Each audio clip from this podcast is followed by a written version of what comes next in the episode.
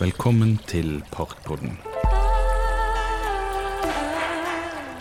Endelig så er vi faktisk i parken denne gangen. Og i dag så har vi da Ada og Grete med oss. Og Ada, hva er det vi skal snakke om i dag? I dag skal vi snakke om Torborg Nedreås Ja. og Herdis og Nygårdsparken. Og vi skal finne igjen Torborg og Herdis i parken.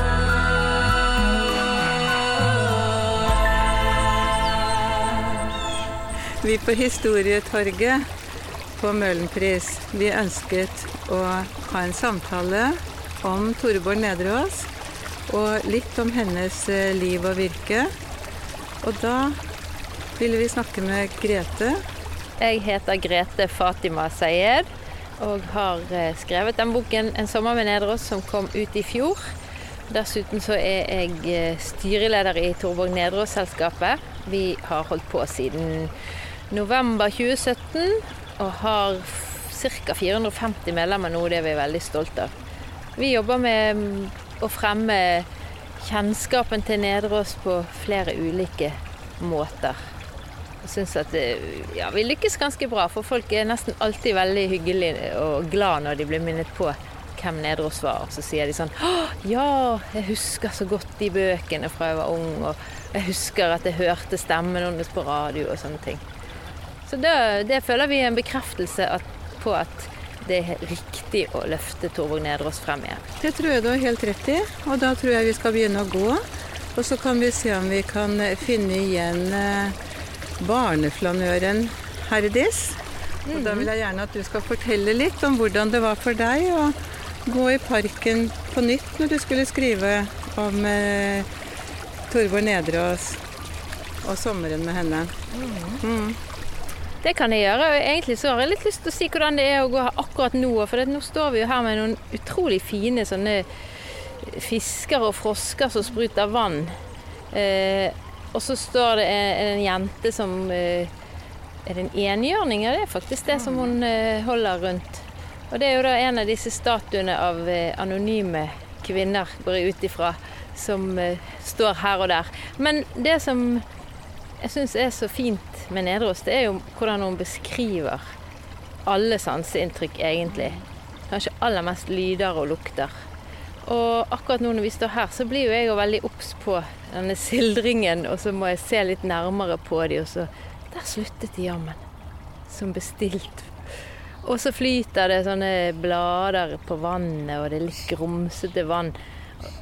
Og det, for meg er det litt sånn som litteraturen er en slags sånn en læring om å være litt til stede og se og sanse det vi det som omgir oss, da. Og det er en av, en av mange kvaliteter med Nedreås, hvordan hun beskriver. Eh, Hun må jo ha vært et sånt sanseapparat som bare Et sted tror jeg hun skriver noe om at en person lukter med huden. Eller lytter med huden, tror jeg det. Altså det er sånn veldig registrering av inntrykk. Herdis kunne vel lukte snøen på Ulrikken hun, når hun var i Nygårdsparken. Og, og snøen lukter annerledes når det går mot vår, skriver hun. Det er jo sant, men det er jo kanskje ikke sånn vi tenker på før vi blir minnet på det. Og jeg tenker at det å velge et barn da, som hovedperson eh, da, da har hun skapt seg en veldig takknemlig eh, unnskyldning på en måte for å nettopp kunne være i alle de sansingene. For det er Herdis, som du kalte henne barneflanøren, og det har jeg òg gjort, hun er jo veldig ofte på vandring. Ofte fordi at hun ikke får komme inn til eh, venninnene sine. sant? Og det regner, og det er kaldt, og hun er kanskje våt på fingrene og naglebit, og våt på tærne. Og så går hun der og trakker. Og så sanser hun, og så funderer hun på alt det merkelige som fins i livet. Hvordan syns du det var å komme og gå i parken og tenke på henne og se parken på nytt? Jeg tenker litt på det med fremmedhet og det du snakket om at hun ikke kom inn så mange steder. Hun var jo en I dag ville vi kanskje kalt en outsider, jeg er ikke helt sikker på om det er riktig, men hun var ensom på en måte som jeg opplever at Torborg Nederåst viste gjennom det hun skrev, når hun beskrev sanseopplevelser og andre opplevelser. Mer enn at hun fortalte at hun var ensom. Ja, det er jeg enig i. Og hun var jo Altså, der er jo helt klart mange likhetstrekk mellom Torvald Nedreås, forfatteren, og Herdis Hauge, eh, personen. Blant annet det her at hun er enebarn og blir skilsmissebarn på en tid der det ikke var så vanlig som det er i dag. Uh, og Nedreås i intervju så har hun sagt uh, litt sånne rare ting om Herdis. Hun har sagt bl.a. at uh, hun ikke ble kvitt henne. Hun ønsket å skrive om, mer om miljøet, om altså det sosiale klassesamfunnet, mer i større bredde. Men så ble hun ikke kvitt denne her innpåslitne Hun kalte henne vel et innpåslitent beist. Så hun hadde lyst til å sparke bak. Og det er jo litt morsomt. Men et sted så sier hun òg at um, Jeg tror det er et intervju i NRK så sier Nedreås at Herdis må ha hatt noe sånn litt kjedelig over seg. Og, og, kanskje noe litt sånn kjølig, hvis jeg husker rett. Uh, og det er mulig det er noe som Nedreås har brukt til å forklare sin egen sånn litt outsider-posisjon, da. Eller litt sånn ja, det er jo årsak og virkning her. Man blir jo kanskje ensom av å være grublende, men man kan nå begynne å ta seg til å gruble når man er ensom. Men det å gå i parken, ja. Jeg, jeg må jo Ja, skal vi det?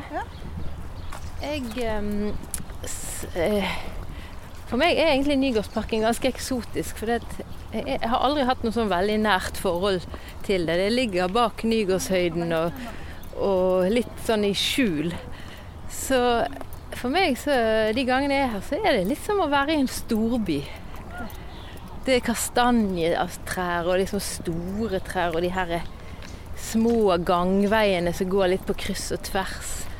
Det Du finner ikke det så mange andre steder i Bergen. Og husene bortover i altså disse store leiegårdene med høyt, skikkelig høyt under taket og mange rom. Det er ikke sånn i Sandviken. Der er det selv leiegårder, og alt er mye mindre.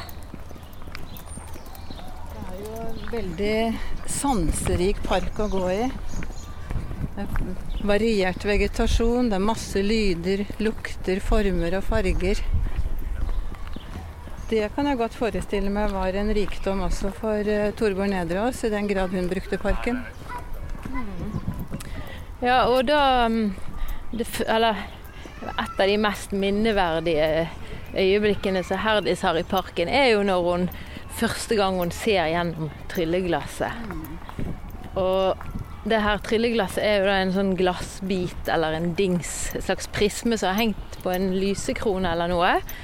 Som eh, Herdis har fått lov å låne av en venninne. Og så glemmer hun i anførselstegn å levere det tilbake. Hun sier hun har mistet det fordi hun blir jo så fascinert og fengslet av det trylleglasset. Og Første gangen hun ser gjennom det, så er, det, hun i den nederste delen av parken. Og der er det ganske sånn guffent, egentlig.